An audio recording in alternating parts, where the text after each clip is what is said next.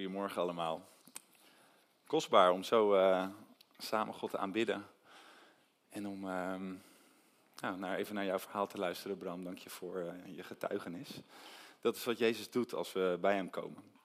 Ik ben Wout, ik ben getrouwd met Suzanne. We hebben twee prachtige kinderen, Evie en Joep. Zitten met z'n drieën bij de baby en de peuters, baby's en de peuters.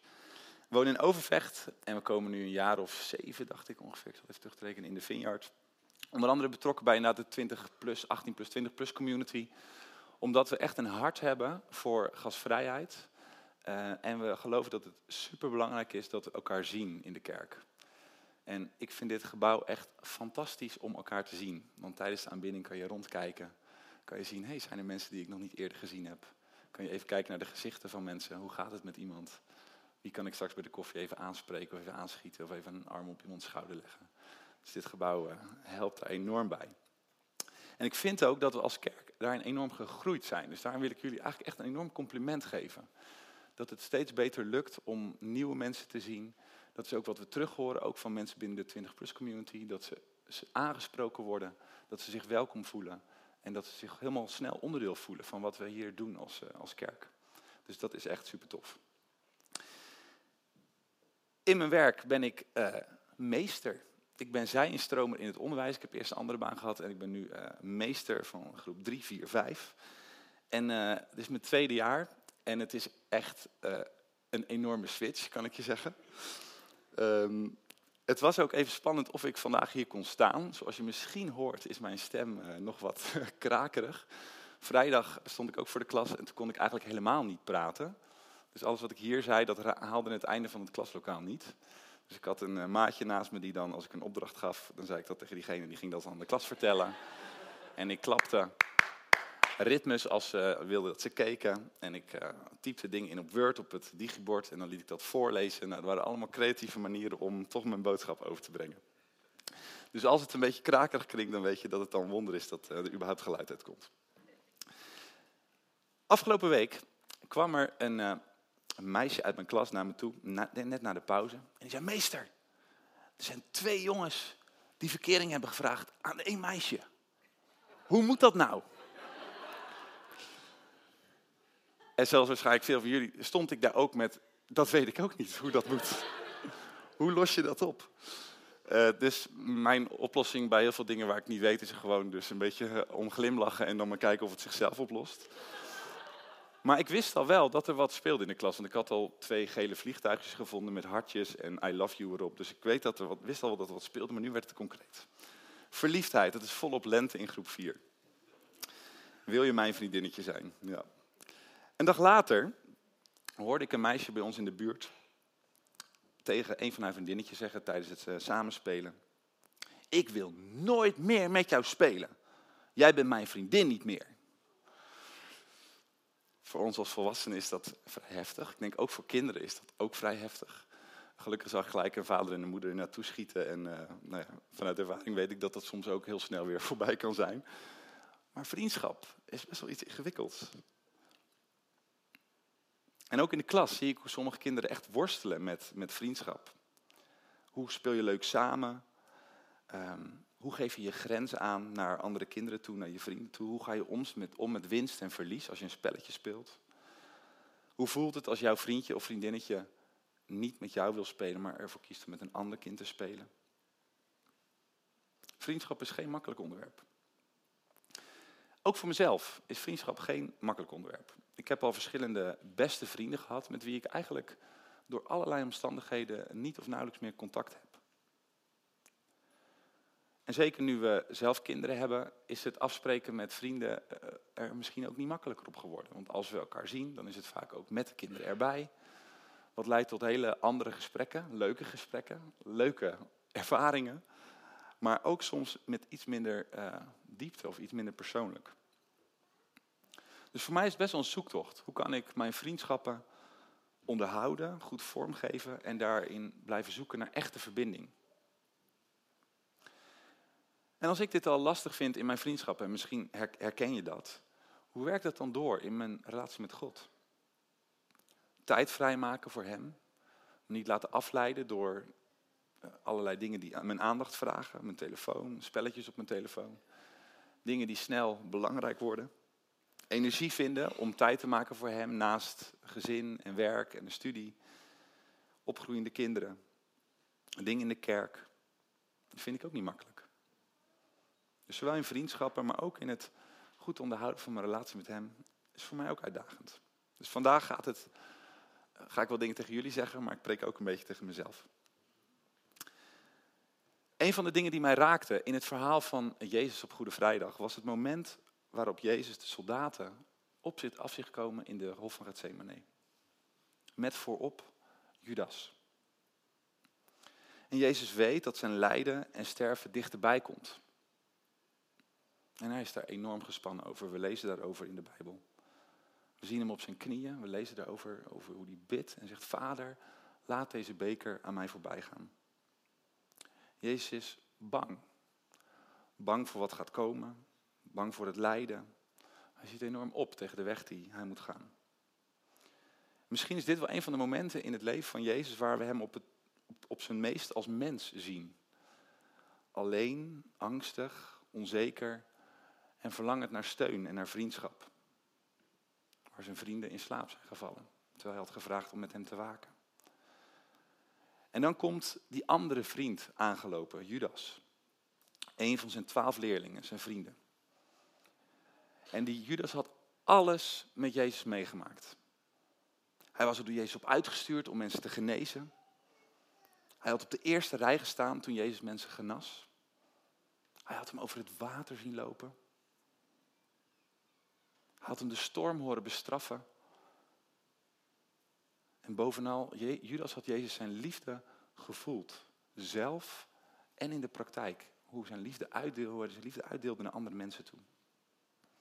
Maar toch was het om wat voor reden ook niet genoeg voor Judas. En hij koos ervoor om Jezus, zijn vriend, zijn meester, te verraden. En Judas komt heel dicht bij Jezus. Hij geeft hem een kus. Niet een kus van vriendschap of liefde, maar een kus van verraad. En dan zegt Jezus in Matthäus 26, vers 50, vriend, ben je daarvoor gekomen? Een vriend. Jezus noemt Judas vriend. Op het moment dat de afstand tussen Jezus en Judas eigenlijk niet groter kan zijn, als hij op het punt staat om hem te verraden, waardoor die weg begint waar Jezus zo tegenop ziet, zegt Jezus, vriend.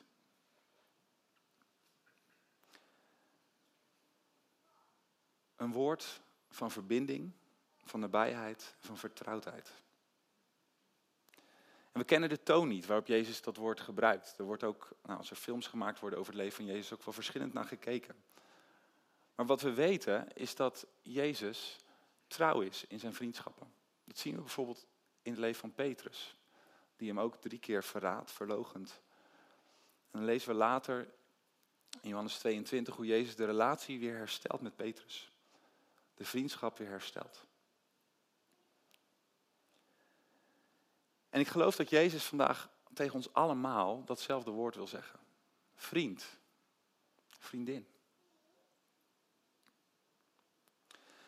We gaan met elkaar een stukje lezen uit eh, Johannes 15, vers 9 tot 17. Als het goed is, kunnen jullie ook meelezen op de beamer. Ik heb jullie lief gehad, zoals de Vader mij heeft lief gehad. Blijf in mijn liefde. Je blijft in mijn liefde als je aan mijn geboden houdt zoals ik me ook aan de geboden van mijn vader gehouden heb. En in zijn liefde blijf. Dit zeg ik jullie om je mijn vreugde te geven. Dan zal je vreugde volkomen zijn. Mijn gebod is dat jullie elkaar lief hebben, zoals ik jullie heb lief gehad. Er is geen grotere liefde dan je leven te geven voor je vrienden. Jullie zijn mijn vrienden wanneer je doet wat ik zeg. Ik noem jullie geen slaven meer, want een slaaf weet niet wat zijn meester doet. Vrienden noem ik jullie, omdat ik alles wat ik van de Vader heb gehoord aan jullie bekendgemaakt heb. Een paar dingen die ik eruit wil lichten. Ik heb jullie lief gehad zoals de Vader mij heeft lief gehad. Wat een uitspraak van Jezus. Dat hij zegt, zoals ik de Vader lief heb, zoals de Vader mij lief heeft, zoals de Heilige Geest houdt van de Vader en de Zoon, zoals die liefde onderling is tussen de Vader, Zoon en de Geest, zo hou ik van jou. Er is geen grotere, grotere liefde in je leven dan, dan je leven te geven voor je vrienden. En precies dat is wat Jezus zou doen. Hij zou sterven voor de ander. Hij zou sterven voor zijn vrienden. Hij zou ook sterven voor de vrienden die hem zouden verraden of verloochenen. Maar zelfs ook, nog meer dan dat, sterven voor zijn vijanden. Heer, vergeef hen, want ze weten niet wat ze doen. Jullie zijn mijn vrienden wanneer je doet wat ik zeg. En Jezus zegt als het ware, doe mee in het liefhebben van mensen. Zoals ik dat heb gedaan, zo moeten jullie dat ook doen. Zoals ik oog heb voor de zieken, de mensen die er niet bij horen, de mensen die achtergesteld worden. Zo moeten jullie ook oog hebben voor mensen om je heen en de ander liefhebben. Liefde is een werkwoord, het wordt zichtbaar in je daden. Wees een vriend voor iedereen die je tegenkomt in je leven. En dan, ik noem jullie geen slaven meer, want een slaaf weet niet wat zijn meester doet. Vrienden noem ik jullie. Omdat ik alles wat ik van de Vader heb gehoord aan jullie bekendgemaakt heb. Jezus zegt, jullie zijn niet mijn slaven. Jullie zijn niet mijn onderdanen. Jullie zijn niet mijn werknemers. Jullie zijn zelfs niet mijn leerlingen. Jezus kiest een heel ander woord. Hij zegt, jullie zijn mijn vrienden. En dat te bedenken dat er heel veel goede redenen waren waarom Jezus zich boven zijn leerlingen, zijn vrienden had kunnen plaatsen. Ten eerste, hij is de zoon van God. Dus hij is veel hoger en meer verheven dan wij als mensen.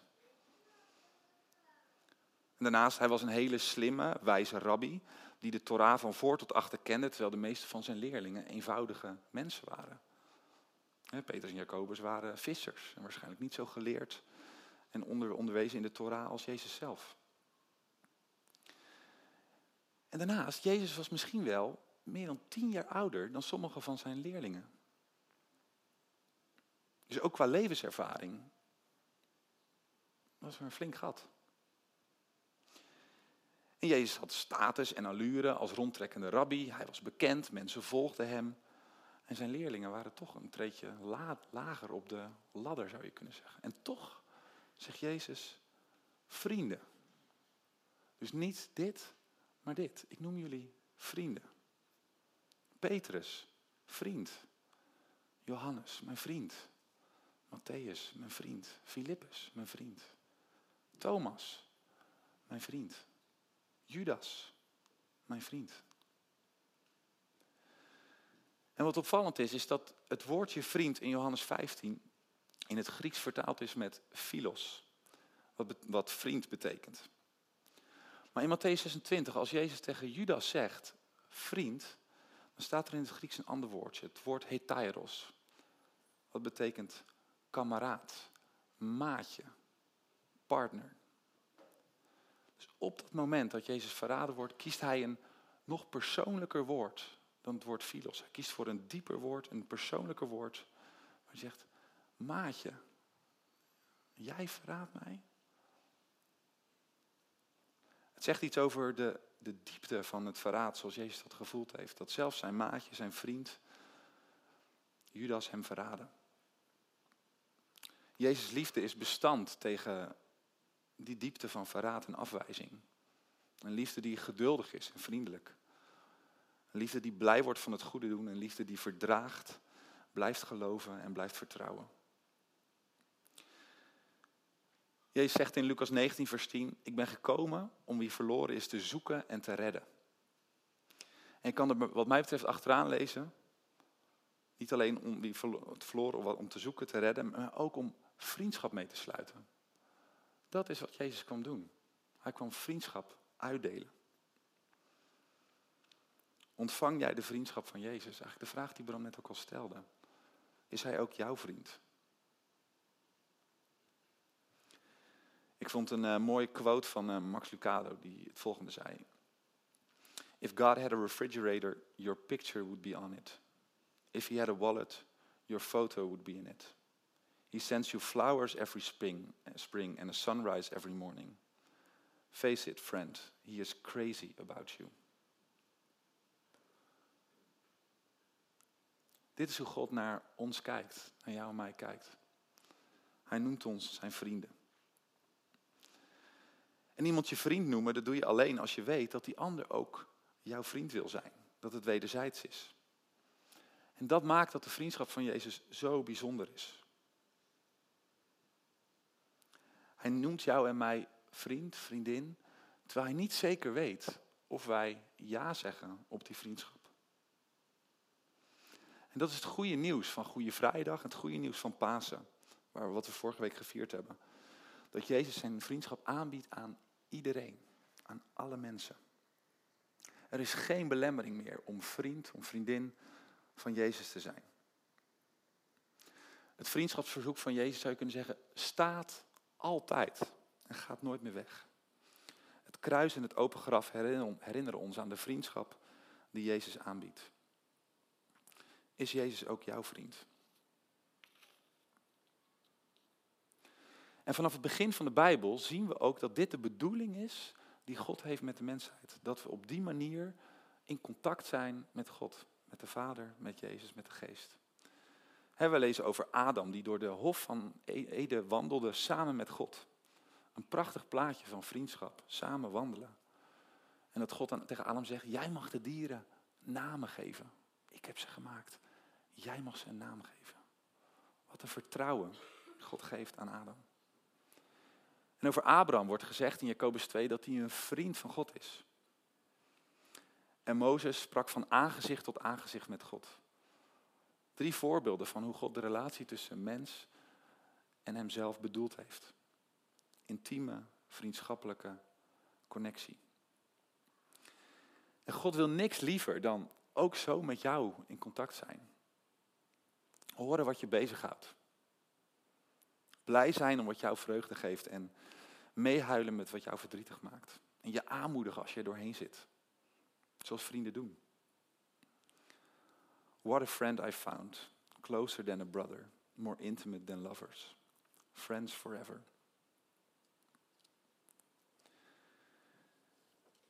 En dat horen wat je bezighoudt, dat doen we door te bidden. Door dingen te zeggen tegen God. En wat ik merk, is dat ik in mijn gebedsleven, ik weet niet hoe dat voor jou is, heel snel bezig ben met dingen die daarbij horen, God aanbidden. Soms mijn zondebeleid, dingen die niet goed gaan. Dat ik dingen vraag aan God. Dingen waar ik mee worstel of dingen waar ik tegenop zie. Wat ik heel vaak oversla, is dat ik gewoon vertel over wat ik meemaak. Hoe mijn dag geweest is. Wat ik morgen ga doen. Iets waar ik blij van word. Iets wat ik verdrietig vond. En ik denk dat vriendschap daar heel vaak mee begint. Als we s'avonds aan tafel zitten als gezin, dan is een van de vragen altijd: hey, hoe was je dag? En wat ik helemaal hilarisch vind, is dat mijn driejarige dochter van de week vroeg: Papa, hoe was je dag? Wauw, we doen iets goed. Daar begint het mee. Vertellen over wat er is in je leven. Wat speelt er? Wat heb je meegemaakt? Dus neem ik tijd om op zo'n manier ook met God te praten. Te vertellen over wat ik heb meegemaakt. En ik wil eigenlijk met jullie een oefening doen om uh, dat eens te proberen. Je krijgt zo twee minuten de tijd in stilte om eens aan Jezus te vertellen wat je gisteren gedaan hebt. En als je daar snel mee klaar bent, wat je vanmiddag gaat doen. Dus niet meer of minder. Maar gewoon te vertellen, dit heb ik gisteren gedaan. En misschien als je er nog tijd voor hebt, dit ga ik vanmiddag doen. Dus uh, misschien als je helpt kan je je ogen sluiten. Dan mag je daar wat dingen over tegen Jezus zeggen. En als je hem nog niet kent, dan uh, mag je misschien je voorstellen dat er een God is die uh, naar je luistert.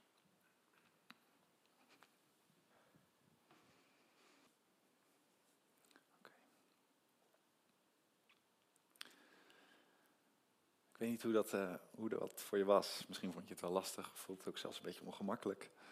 Maar ik denk dat Jezus ons uitnodigt om op zo'n manier met Hem te leren praten. Niet alleen over de grote dingen, maar ook juist over het alledaagse. Omdat vriendschap daar vaak bij begint, bij het gewoon delen wat er in je omgaat. Wat er in je hart is, wat er in je hoofd is, wat je, wat je meemaakt. Het gaat ook over het opruimen van zonde, zeker. En over het aangaan van dingen vanuit het verleden, maar het gaat ook over het alledaagse. Met hem leren praten over sportwedstrijd die, die je hebt verloren. Dat heerlijke zonnetje of die lekke band. Of je veel te ver doorgekookte rijst. Of de schoonheid van bloemen boven, die boven de grond komen. Of het leuke gesprekje wat je opving in de supermarkt. Dat is waar je ook met Jezus over mag praten. Want als je op die manier leert praten met Jezus, dan ontstaat er verbinding. En vanuit die verbinding kan, er, kan God het volle leven aan ons kwijt. Dus als we zo leren praten met onze vriend, met onze vader, dan kan God het volle leven aan ons geven. En ik wil zo uh, afsluiten door uh, te bidden. En daarna gaan we uh, Jezus, onze vriend, opnieuw aanbidden. En um, wat misschien mooi is straks ook in de tijd van bediening, is als je het echt fijn vindt om, om echt dicht bij Jezus te zijn en het helpt je, dan hadden we tijdens Goede Vrijdag hebben we met, met heel groep mensen rond het kruis gezeten. Dus als je dat fijn vindt, dan kan je ook echt zo fysiek dicht bij Jezus gaan zitten om met hem te praten. Zoals, nou, ik moest denken aan Maria die aan de voeten van Jezus gaat zitten naar hem luistert, met hem praat. Dus als je dat wil doen tijdens de tijd van bediening, is daar ook zeker tijd voor. En ook als je gebed wil ontvangen voor, uh, als je misschien in het contact met Jezus die vriendschap moeilijk ervaart. Of het lastig vindt om hem je vriend te noemen. Dat je dan voor je kan laten bidden. Of misschien zelfs dat je echt ja wil zeggen. Voor het eerst of opnieuw tegen de vriendschap die Jezus aanbiedt. Mogen we dan graag eh, voor je bidden. Jezus, dank u wel voor uh, wie u bent. Dank u wel voor de vriendschap die u aanbiedt. Dank u wel, Heer, dat u zoveel van ons houdt, dat uh, u die weg gegaan bent van het kruis en van het lijden. Heer, om ja, uw liefde volledig aan ons kwijt te kunnen. Heer, ik bid voor mezelf, voor iedereen in de zaal, Heer, dat we ja mogen zeggen tegen uw liefde, tegen uw vriendschap. Heer Jezus, help ons om ja, met u te leven. Heer, elke dag. Heer, te leren delen over wat we meemaken, wat in ons omgaat. Heer, en dat daardoorheen, Heer, de ja, verbinding met u, het contact met u, echt mag verdiepen. Heer, wilt u ons helpen om te horen wat u tegen ons zegt? Heer, in de diepte van ons hart of in de stilte van ons hoofd. Heer, wilt u, wilt u spreken? Ja, dank u Heilige Geest dat u ja, die woorden van vriendschap en van liefde ook bevestigt in ons. En ik bid, Heer, dat, ja, dat, dat uw liefde steeds op een diepere manier mogen ontvangen. Heer, ook als we ons daar niet waardig toe achten of toe voelen. Heer, help ons om te zien en te weten, Heer, dat uw liefde voor iedereen is. Heer, ook voor iemand als Judas. Heer, dank u wel, Heer, dat uw liefde verder gaat, Heer, dan de diepste afwijzing. Ja, ik bid voor hoop, Heer. Als mensen die hoop zijn kwijtgeraakt, wilt u opnieuw hoop geven.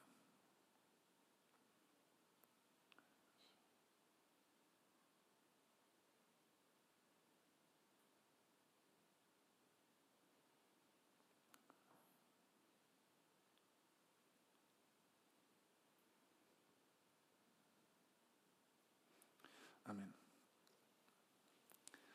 Goed, als de aanbidding weer terugkeert, dan gaan we verder tijd nemen om God te aanbidden. En ja, misschien kan je echt proberen om echt naar Jezus te blijven kijken, ook als we het volgende stuk van de dienst ingaan. Te horen wat hij zegt en uh, te bedenken wat je misschien tegen hem wil zeggen.